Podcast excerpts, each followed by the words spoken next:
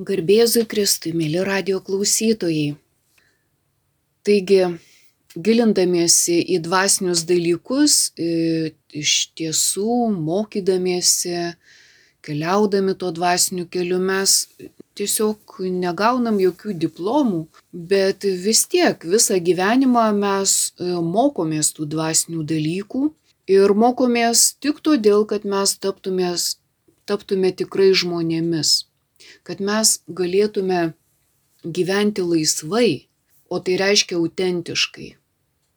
Nes neautentiškas gyvenimo būdas yra tarsi primestas gyvenimo būdas, kada mes negalim būti savimi, kada iš mūsų tarsi atimta laisvė rinktis, spręsti, daryti tai, ką mes sprendžiam, kad, kad turėtume užsiimti ar ne tuo dalyku, ta veikla, arba kažko nedaryti, jeigu mes atsakingai suvokiam, kad tai nėra, sakykime, ta veikla, kurią aš norėčiau rinktis. Taigi šitaip galvodami galim prie tokios išvados, kad pasaulyje galbūt nerasim tokio gyvenimo būdo, kuris iš tiesų būtų grinai autentiškas, nes matom, kad labai daug pasaulį prievartos, daug stipresniųjų primestos valios ir dažniausiai taip ir būna, kad mes kaip ir priklausom tiem dviem pasauliam, ar ne? Viename tarsi gyvenam turėdami paklusti pasaulio galioms, ir galim sakyt, kad šitas gyvenimas kaip ir dominuoja.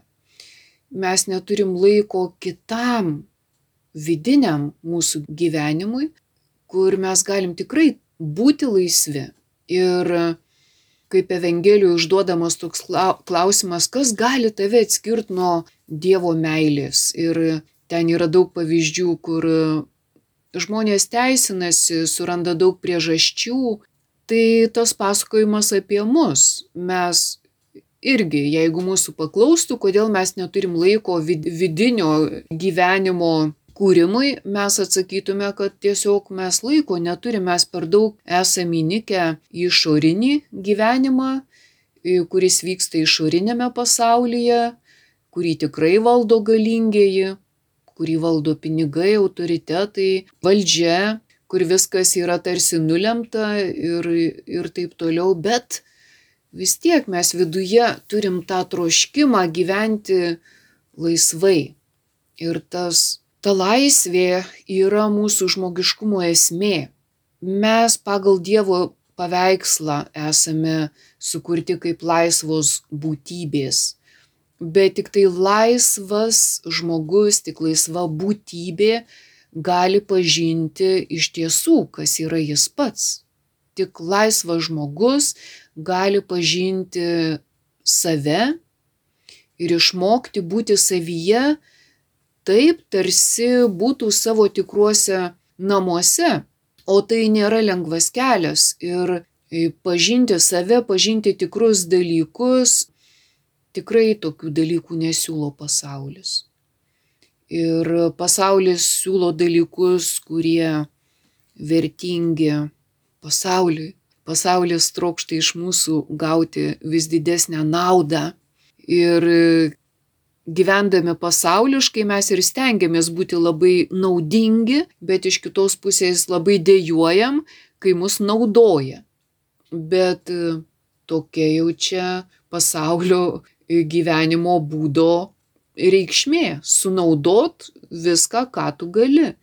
Ir mes esam naudojami tiek, kiek mus galima sunaudot, o kai jau mes būnam nenaudingi, tada pasaulis mus pamiršta.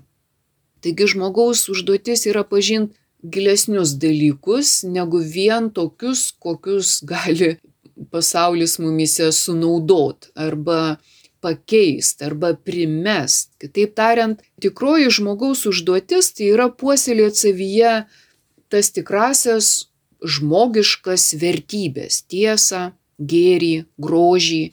Tai, tai yra būtent žmogiškos vertybės. Bet tuo pačiu tiesa, gėris ir grožis yra pačios tikrovės savybės. Kitaip tariant, mes esame, kaip ir antikoje mąstytojai sakė, kad esam tas pats kosmos. Yra makrokosmos ir mikrokosmos. Tikrovė yra ta pati ir mes esam tos pačios tikrovės dalis. Taigi pati tikrovė, tikra tikrovė yra alsuojanti tiesa, gėrių, grožių, viduramžiai sakė, kad tai yra Dievo savybės, net Dievo vardai, Jėzus sakė, jis yra tiesa. Jis yra kelias, kuris veda į tikrą gėrį, tai yra gėrio kelias. Ir tai, kas susijęta su gėriu ir, ir tiesa, tai neišvengiamai yra gražūs e, dalykai. Net antikoje buvo toks terminas kalokagatiškas žmogus, kalios ir agatos. Kalios yra grožis, agatos gėris. Geras ir gražus yra persipinę terminai. Taigi matom, kad jie yra tokie, tarsi yra tas pats, bet įgyja tas grožio formas, gėrio formas, tiesos formas. Tai taip Dievas save apreiškia ir palieka šitame pasaulyje kaip tiesos gėrio ir grožio pėtsakus. Daug mystikų sakė, va užtenka pamatytos Dievo pėtsakus pasaulyje kaip tiesos gėrio ir grožio ir tu atrandi Dievą. Taigi, jeigu mes esame tokio pasaulio dalis, tai tikrasis mūsų žmoniškumas ir yra išsaugočios dalykus. Saugančios dalykus mes niekam negalim pakenkt. Mes galim pastebėti tada, kada nepaisoma tiesos, gėrio ir grožio, kas įvyksta. Kenkiama pačiai gyvybei. Naikinama gyvybė. Pasaulis kuriamas be tiesos, be gėrio ir, ir be grožio, Tai mes matom, dabar mes e, akivaizdžiai tiesiog stebim karus, įvairias konkurencijas, e, kurios pagrystos kitų žudimo, naikinimo ir nuo ko čia viskas prasideda? Nuo noro būti kaip Dievas. Ir vėlgi tai siema su noru būtų, būti laisvais būti laisvu kaip, kaip Dievas, ar ne? Bet e, gyvendami pasaulyje mes galim būti laisvi kaip Dievas tik kurdami, puoselėdami tiesą, gėrį ir grožį, nes tai yra ir kaip Dievo savybės, ir kaip Dievo e, vardai. Ir jeigu mes gerbiam tiesą, puoselėjam gėrį ir grožį, tai mes palaikom Dievo kūrybą. Diev, Dievas sukūrė ir padovanojo mums šitą pasaulį, kuris ir toliau turi būti palaikomas būtent tomis didžiausiomis vertybėmis, kurios, kai kalbam, yra susijėtos ir su gyvybės puoselėjimu. Kaip išsaugoti gyvybę. Ten, kur nėra tiesos, nėra gėrio, grožio, tvarkos, meilės, ten gyvybė yra naikinama. Taigi, jeigu norim būti tikrai laisvi, mes turim paisyti dieviškų taisyklių. Ir, ir ta pati pirmiausia taisyklė, kuri net dešimt dievų įsakymų yra kaip pirmas įsakymas, neturėk kitų dievų.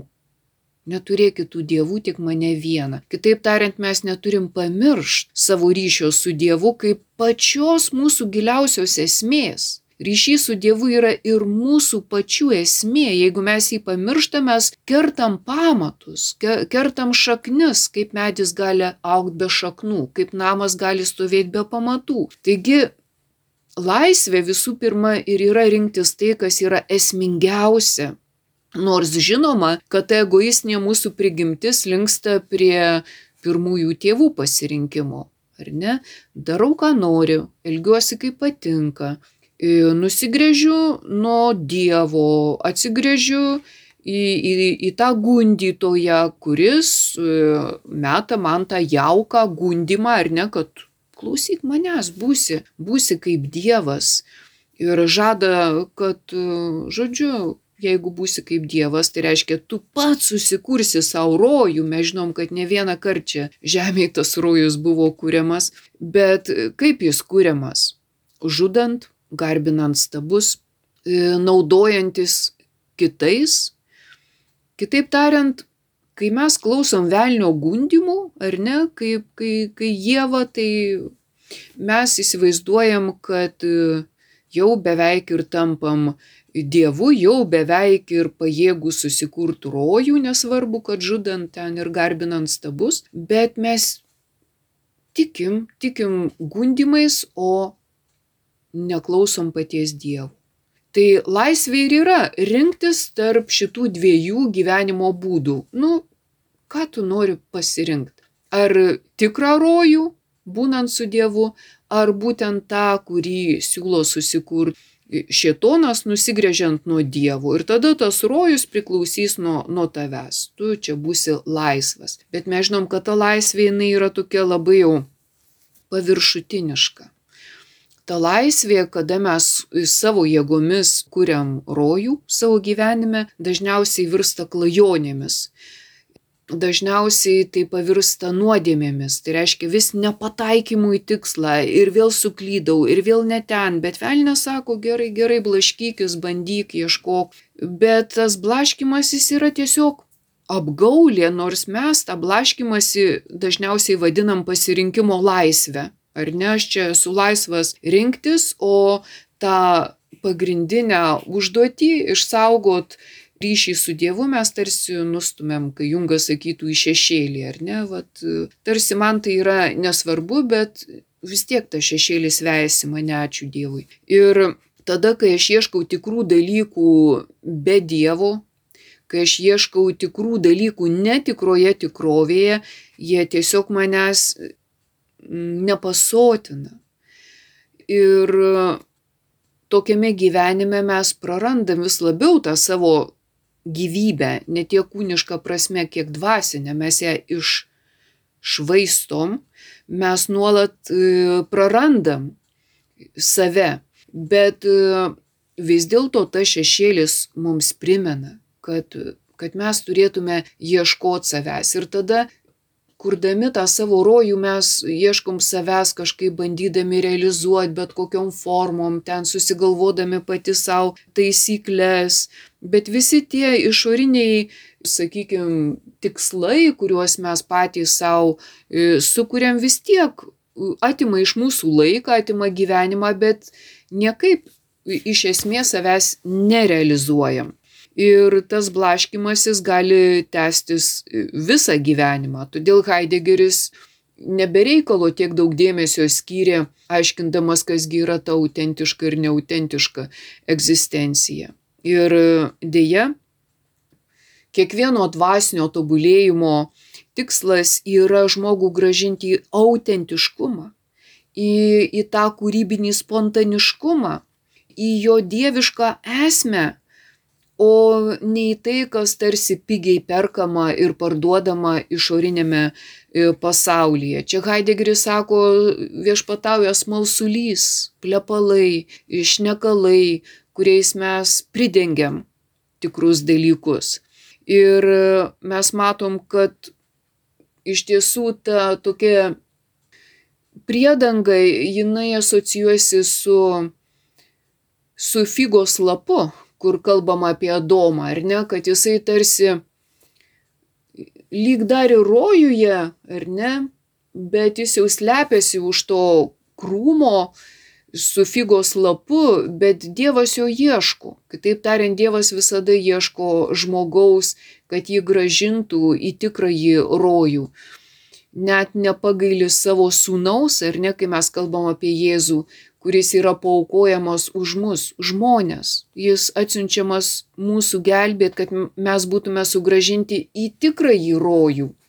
Bet aišku, šietonas yra tas, kuris visada siūlys mums įvairius tos figos lapelius, kurie mums asocijuojasi su rojum. Aš dar nesu praradęs, ar ne, aš dar ne, nesu toks išvarytas, dar, dar aš ne žemėje. Todėl nesvarbu, kas mums žadėtų rojų, ar psichodeliniu būdu ten prisigert kokių svaiginamųjų gėrimų, ar kaip Marksas ten prisigament visokių daiktų ir turėjimo būdu, ar neįsivaizduot, kad tu esi rojuje.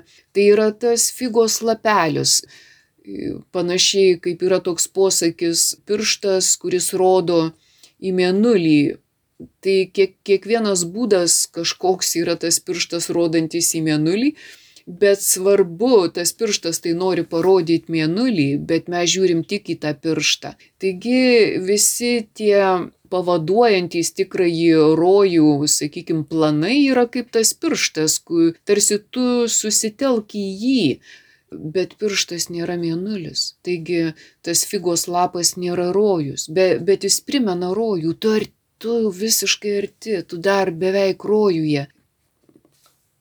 Gundytojas visada pasakoja apie rojų ir pasakoja apie sudėvėjimo būdus, bet reikia klausyti jo, ne Dievo, kur pats Dievas geriau galėtų tuos būdus e, mums atskleis, bet ne, Velnė sako, neklausyk Dievo, aš tau kabutėse tikriau, ar ne, pamokysiu tave ir tau bus lengviau ir paprasčiau ir tai bus labai išoriška, ar ne, ką mes labai mėgstam, kad mums būtų va taip akivaizdu kažkas ir dažniausiai tai ir būna su kažkokiam, sakykime, pasauliškom išoriniam formom kuriamas tas rojus ir tarsi pasaldinamas kaip kaip medum būtent pagundom. Dėl to kryžiaus Jonas ir sako, kad saugokimės velnio, nes jis niekada neteis su, su ragais ir su uodega. Jis ateis kaip tas vilkas avinėlio kailį. Taigi prisidengs kažkokiu gėriu, gėrio kaukę, bet labai svarbu atpažinti. Todėl ta sakykim, dvasinio universiteto funkcija ir pirmiausia padėti tam dvasiniam studentui atras save tikrąjį, tą savo pats, atpažint e, tą savo pats, tas mūsų pats, kuris renkasi, pats renkasi ir ką jisai e, renkasi, kaip dažnai mes mėgstam sakyti, aš pats. Ir velnės tą pats mums siūlo, daryk viską pats, bet kas iš principo yra tas pats, kaip Kirkegoras šį žodį rašė iš didžiosios raidės, tarsi norėdamas pasakyti, kad tai yra tavo esmingiausioji dalis, todėl neverta jos taip pigiai parduoti išorybei. Tai, kaip jis vadinojasi, e, estetiniai egzistencijai. Kad tai yra net neetinės egzistencijos kategorija, bet bet tai yra tos aukščiausios religinės egzistencijos kategorija, kur tarsi užgesta tavyje ir tavo proto gale, ir tavo kūno galios jutimai. Ir, ir vat tame užirbyje yra tas tavo esmingasis pats. Tai iš tiesų, kalbant apie dvasinius dalykus, mes ir ieškom to tokio ne pasauliško būdo gyventi pasaulyje, bet to esmingo gyvenimo būdo, kuris yra siejamas su, su tuo pats.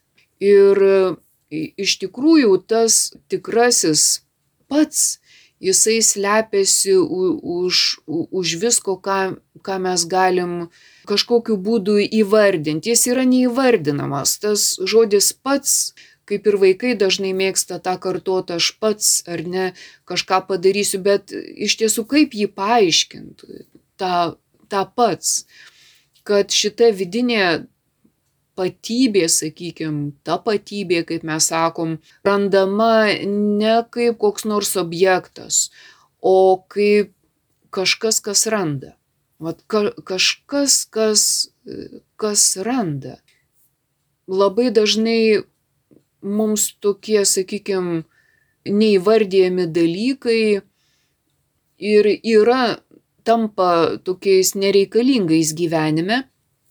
Ir dažnai mes tą mūsų pats prarandam, e, nes mes neieškom savo esmės, mes ne, neieškom būtent to savo paveikslo pagal Dievo panašumą. Ar ne mes mėgstam visokius savo atvaizdus ir specialiai juos kūriam ir dedam Instagramą, Facebooką ir taip toliau, bet mes neieškom to tikrojo savo pagal Dievo paveikslą ir panašumą, nes tai yra tokie neįvardėjami dalykai, mes mėgstam kažką rast kaip objektą, save rast kaip objektą, bet mes patys kaip objektai dažniausiai apibrėžiami tais pasauliškais turiniais, bet būtent kalbant iš dvasinės perspektyvos, tikri dalykai nė, nėra nie, niekaip niekaip įvardinami. Todėl ne, net ir gilindamėsi į dvasinius dalykus mes ieškom taip, kad nerastume. Kitaip tariant, mes ieškom tokiu patogiu būdu, kad priimam į save tik tuos dalykus, kuriuos galim aiškiai įvardinti, bet atmetam tuos tikrus dalykus, kurie yra neįvardinami. Tai tikrai dėl to mystikai ir kalbėjo paradoksais, sakydami, kad surasi save tada, kai nustosi ieškoti savęs, ar ne ką tai reiškia. Kitaip tariant, tavyje liks tas šešėlis, tas troškimas suras save, bet tu, kai nusigręši nuo tų visų tau žinomų būdų, gal, galbūt tu pajusi tą šešėlį, kai išmoksi tiesiog būti tuo, kuo tu esi, o nesistengsi būti kažkuo, ką kiti vertintų ar pasaulis įvertintų, tai iš tikrųjų tada tu ir pradėsi būti. Ir, pažiūrėjau, sufizme yra kalbama apie sketiško gyvenimo pabaigą kaip rida. Rida yra palaimingas gyvenimas mes kalbėjom apie Kristaus palaiminimus, kad Kristus tikrai mums linki to palaimingo gyvenimo, bet jis kalba apie dvasios beturtystę. Taigi ten irgi sakoma, kad ir asketiškas gyvenimas turi pabaigą, kad kada tampama rida. Kitaip tariant, asketas jau yra viskuo patenkintas, bet patenkintas ne ta prasme, kaip mes galvojame su patenkintas, kad kažką gerai nusipirkau, ten įsigijau ar gyvenime kažką pasiekiau. Ne ta prasme. Rida net iš sanskrito kalbos. Rida reiškia gebėjimą tapti nematomu arba, kitaip tariant, dvasingu.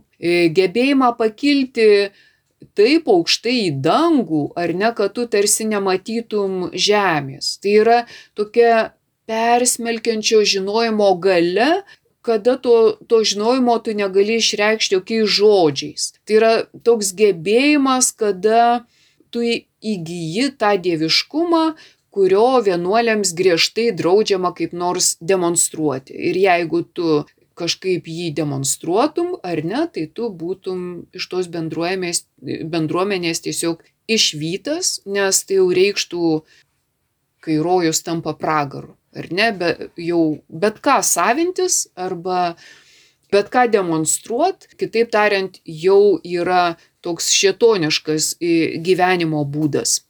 Ir tada pats rojus dinksta iš tavęs. Tai, taigi, kaip tik ir pradedu kalbėti apie tai, kad tikros dvasinio žinios yra žinios apie rojaus gyvenimą, kada tu esi su Dievu, kada ne tu esi vat kaip Dievas turintis kažkokias galės, bet kai tu esi su Dievu ir Dievas per tave ga, gali veikti ir tapti galingų pasaulyje, bet tie dalykai tikrai nėra E, žmogaus dalis. Ir kai žmogus ima pasisavinti šitą dalį, tada jis atlieka tą šitonišką veiksmą. Tada jis tarsi susikoncentruoja į save ir tampa, nu, tokiu savimėlės e, subjektu, kada jau jisai ir yra tas, kuris išdrįsta valgyti vaisius nuo to medžio, nuo kurio valgyti uždraudė Dievas. Kitaip tariant, kad jis jau susiranda kažkokį stabą, kurį pradeda garbinti e, vietoj paties e, Dievo. Tai irgi matom, kad čia yra tokie labai siauri tarpeliai, ar ne, e, nuo tobulumo, nuo rojaus iki pragaro kad Dievas gali labai apdovanot žmogų, bet jeigu tas žmogus tada kaip tas Luciferis tai pasilaikys kaip savo dalimi, tai jisai nugarmės į pragarą. Taigi matom, kad vat, tas palaimingas gyvenimas yra viskuo patenkintas gyvenimas, bet todėl, kad tu tarsi save esi praradęs Dieve. Tavyje gyvena, kaip Paulius sakė, Kristus. Jau nebe aš, kaip jis sako, o o Kristus. Taigi pagal sufizmą rida, va tas palaimingas gyvenimas, kai jie sako, kai skolos yra sumokėtos, nes dažniausiai tas skolas mes kažkaip psichologiškai patys savo prote susikūrę kaip ir priešus, kad žmogus jau neieško ka kažko kito, kas jam ten padėtų realizuoti jį patį ar ne. Jau, jau jam to nereikia daryti. Jis jau nieko nesiekia. Jis tiesiog gyvena. Jam nereikia niekam nei patikti, nei įtikti, ką paprastai pasaulyje būtina yra daryti.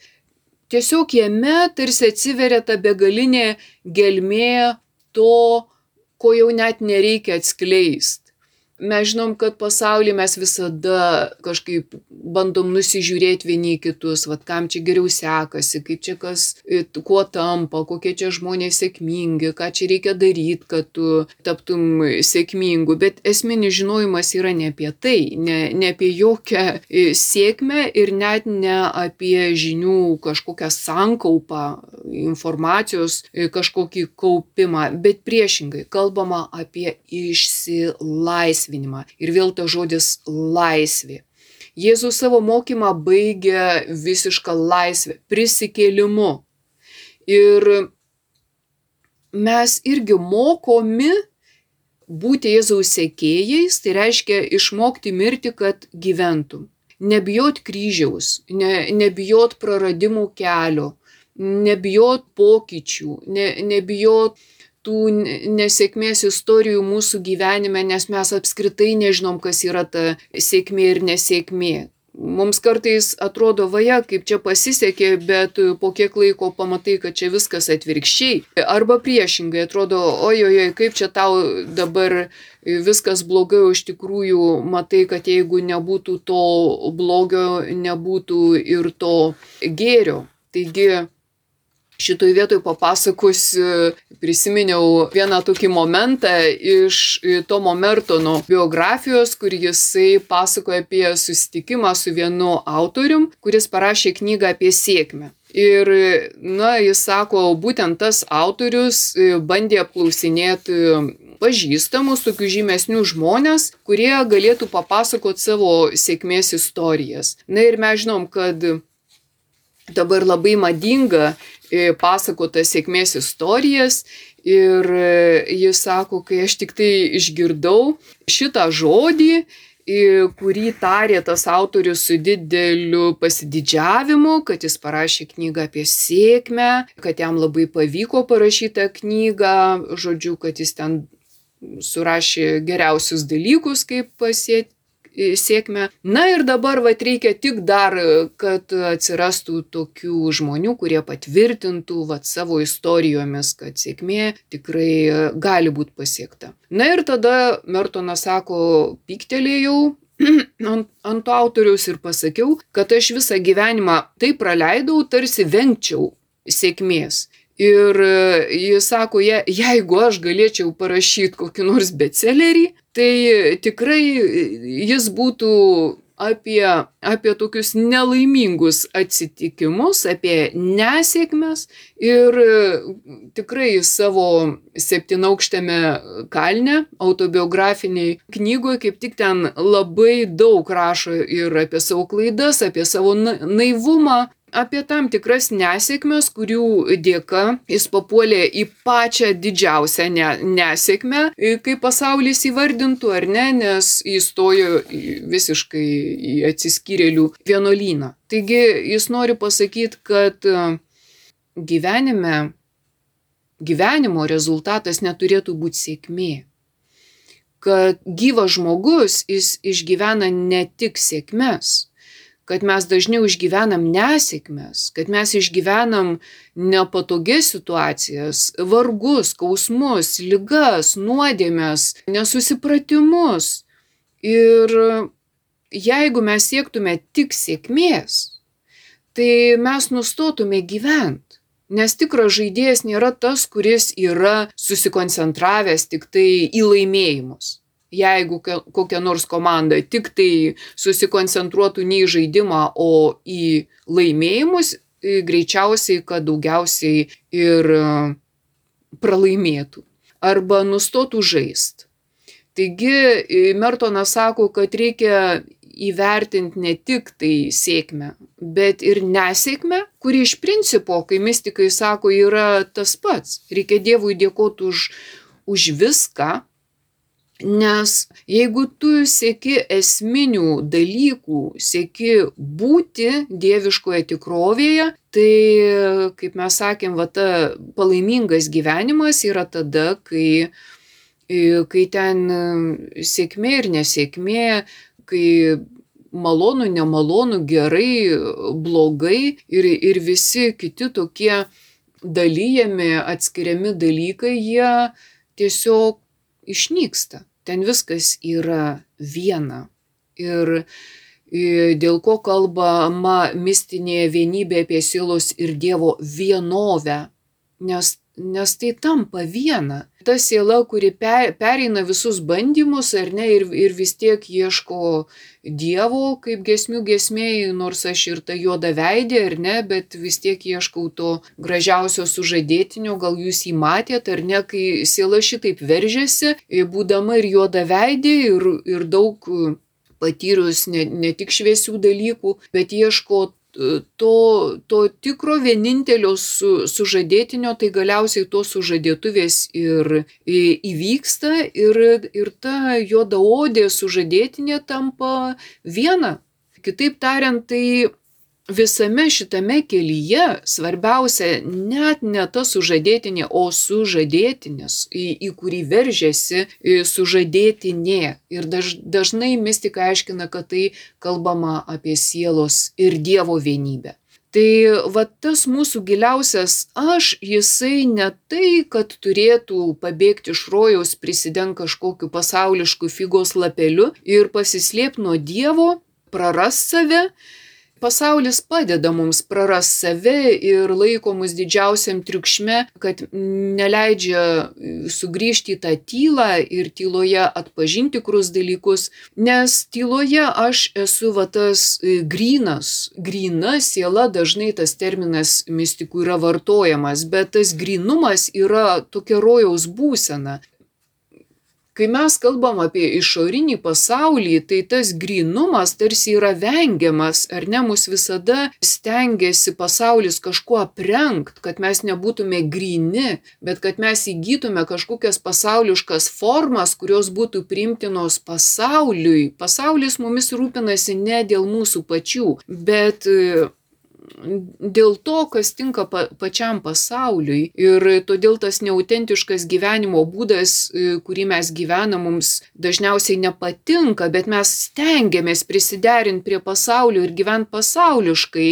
Ir galvojam, kad va tas dazman, ar ne, kai Heideggeris sako, yra vienintelis toks e, gyvenimo būdas, gyvenu kaip visi kaip visi, aš esu apsirengęs pasauliu, nesu per daug ryškus, nesu per daug grynas ar ne, e, esu naudingas, vat, kuriuo ga, gali pasaulis pasinaudoti ir, ir galvoju apie tas galimybės, kaip čia save parduoti pasauliui ir dažniausiai galiu užsidėti bet, bet e, kokias klauno kaukės ar ne, kad tik įtikčiau pasauliui. Bet kai mes kalbam apie tą grinumą ir paprastumą ir nuoširdumą, tai mes matom, kad visos tos kaukės turėtų išgyventi tam tikrą mirtį.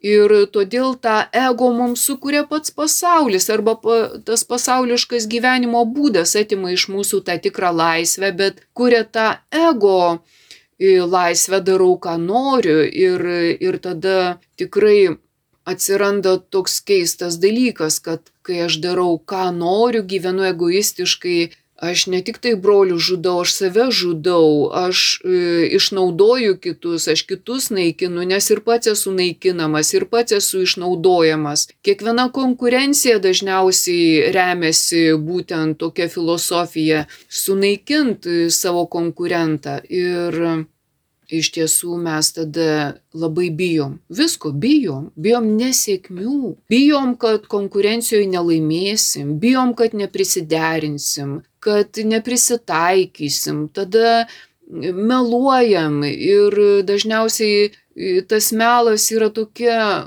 mūsų gyvenimo pamušalinė būsena, mes tarsi norim, kad būtų geriau, todėl meluojam. O kai meluojam, mes jau turim tą figos lapelį, kuriuo prisidengiam, bet dėl to laimingesni netampam. Ir matom, kad kaip tie egzistencialistai primena būtent tą autentiškumo svarbą, kad mums tai yra nu, tokia graži idėja, kad, nu, taip, taip. Norėčiau būti autentiškas, bet vis tiek apsirengiu e, tuo, ką siūlo pasaulis. Ir, ir aišku, pasaulis kuria savo rojų, būtent mūsų laisvės sąskaita, atimant iš mūsų tą tikrą laisvę ir primena, primetant uh, savus ritualus, o tie pasauliški ritualai liepia mums pasiaukot ant tų, sakykime, pinigų ar turto altoriaus, ant, ant garbės altoriaus, ant valdžios altoriaus ir, ir matom, kad, nu, jeigu mes taip gyvensim, tai vėlgi pateksim į tas konkurencijos replės, nes visi šitų dalykų siekia ir tyliai žudo vieni kitus. Tai kitaip tariant, būtent dėl tokios beprotiškos kasdienybės, pasauliškos kasdienybės rutinos mes vieną kartą, kaip Heidegris sako, prabundam, nes vis tiek gyvenam mirties link, suprantam, kad visi šitie dalykai yra ne tik, kad labai laikini, bet ir labai iliuziniai. Ir todėl patekti į tą dvasinį universitetą yra būtina, mes anksčiau ar vėliau susirūpinam tais dvasiniais dalykais ir ne, ne tik tie, kurie stoja į vienuolynus ar į seminarijas, bet ir paprastam gyvenime mes turėtume įstoti į tokią dvasinę mokyklą ir paieškotų tik tikrų e, žinių, ne, ne tik tai e, žinot, kad jos yra, nu, vat, vienuoliams ir dvasininkams. E, dvasiniai dalykai yra visiems, mes visi turim išmokti gyventi šitą gyvenimą. Ir prisimenant, sakykime, viduramžius, kada ir virė tas tikras gyvenimas vienuolynuose, ar ne, e, mokyklos, universitetai, bibliotekos, viskas buvo prie vienuolynų, vienuolynai buvo tarsi dvasinis rojus, ar ne, tie dvasinio gyvenimo žydiniai. Taigi prisimenant tuos, kurie e, tuo metu mokė žmonės mokė, kad dvasinius dalykus mes galim pasiekti vat, būtent per tą vidinę laisvę, per, per tuos giliausius vidinius troškimus. Ir ta kelionė prasideda būtent nuo tos žmogaus puolusios būsenos, kada jisai nori išsilaisvinti iš tuo nuopolio ir sugrįžti į tą, nežinau net kaip pavadinti, erdvę nepavadinsi, bet į tą būseną pagal Dievo paveikslą ir panašumą. Čia ir yra tas e, pirmųjų tėvų grinumas ar, ar dvasinis nuogumas, kada tau ne, nereikia jokių figmedžių, e, kad tu būtum rojuje ir kad tau net nereikia to rojaus susikurt, nereikia tau jokių ten siūlomų pasaulio drabužių, pavadinkim, gyvenimo būdo modelių, kuriais tu labiausiai pritaptum ir gyventum tokį grinai pasaulišką gyvenimo būdą, kada tarsi, kaip Marksas sako, tau net ir nereiktų tų dvasinių dalykų, tau užtektų visko, ką tu randi pasaulyje, bet e, mes matom, kad kalbant apie tikrą rojų, tam tikram aš nereikia e, jokių e, ego siūlomų pridengalų, ar kaip čia pasakytų, figos lapelių, nes e, ego labiausiai ir dirba, kurdamas e, tų figos lapelių e, struktūras, kuriais aš galiu pasislėpti, kad ir tas pats minėtas melas, kada aš siekiu savanaudiškų tikslų ar žudimo struktūros, kada aš galiu psichologiškai žudyti, bet šipsotis tam žmogui. Ir mūsų ego daug moka įvairiausių triukų, kuriais siekia sudėvėt ir prieš kitą vaidint Dievą, pavergt, naudot kitus, todėl kad pats įsitikina meluodamas, kad, kad jis yra Dievas ir jau tą melą laiko tiesa ir, ir tai nėra čia kažkas tik, tik žodžiai, mes matom, kad tai, tai jau vyksta gyvenime, kad melas jau yra kaip, nu, tokia savaime E, suprantama netgi vertybė, kas geriau pameluos, ar ne, kad blogis jau aukštinamas ir pasirenkamas taip drąsiai, lyg rinktumės gėrį.